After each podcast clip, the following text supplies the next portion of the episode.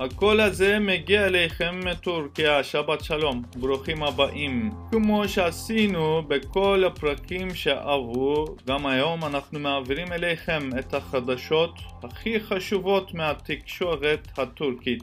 נשיא טורקיה, רג'פ טייפ ארדואן, הודיע על פרישת ארצו מאמנת איסטנבול.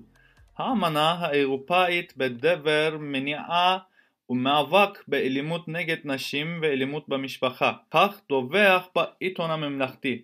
האמנה מתחייבת למנוע, לתבוע ולחסל את האלימות במשפחה וכן לקדם את ערכי השוויון. טורקיה שחתמה על ההסכם בשנת 2011 חוותה עליה במספר מקרי הרצח במשפחה בשנה שעברה. לא נמסרה הסיבה ליציאה מההסכם, אולם גורמים במפלגת השלטון טענו בעבר כי הממשלה שוקלת לפרוש מהאמנה בשל מחלוקת בנוגע לדרך שבה צריך לבלום את האלימות הגוברת נגד נשים. שמרנים רבים בטורקיה טוענים שההסכם מערער את המבנה המשפחתי ומעודד אלימות.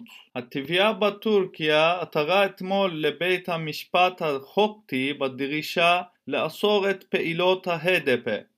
התביעה אומרת כי ההדף איננה שונה מה-PKK ארגון טרור.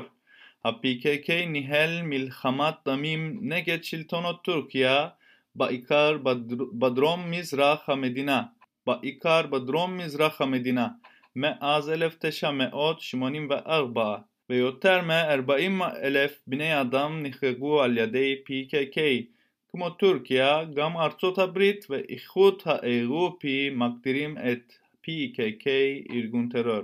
נשיא טורקיה הגן על נשיא רוסיה ולדימיר פוטין שכונה רוצח על ידי נשיא ארצות הברית ואמר כי דבריו של נשיא ארצות הברית ג'ון ביידן לא הולמים נשיא ולא מקובלים.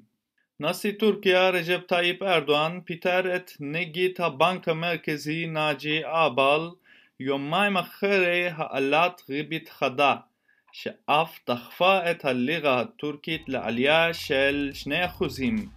הוא בא לתפקיד נגיד הבנק המרכזי של טורקיה בנובמבר. זה כל מה שנעביר אליכם היום, נתראה שוב בשבת הבאה. אני מאחל לכולכם יום טוב.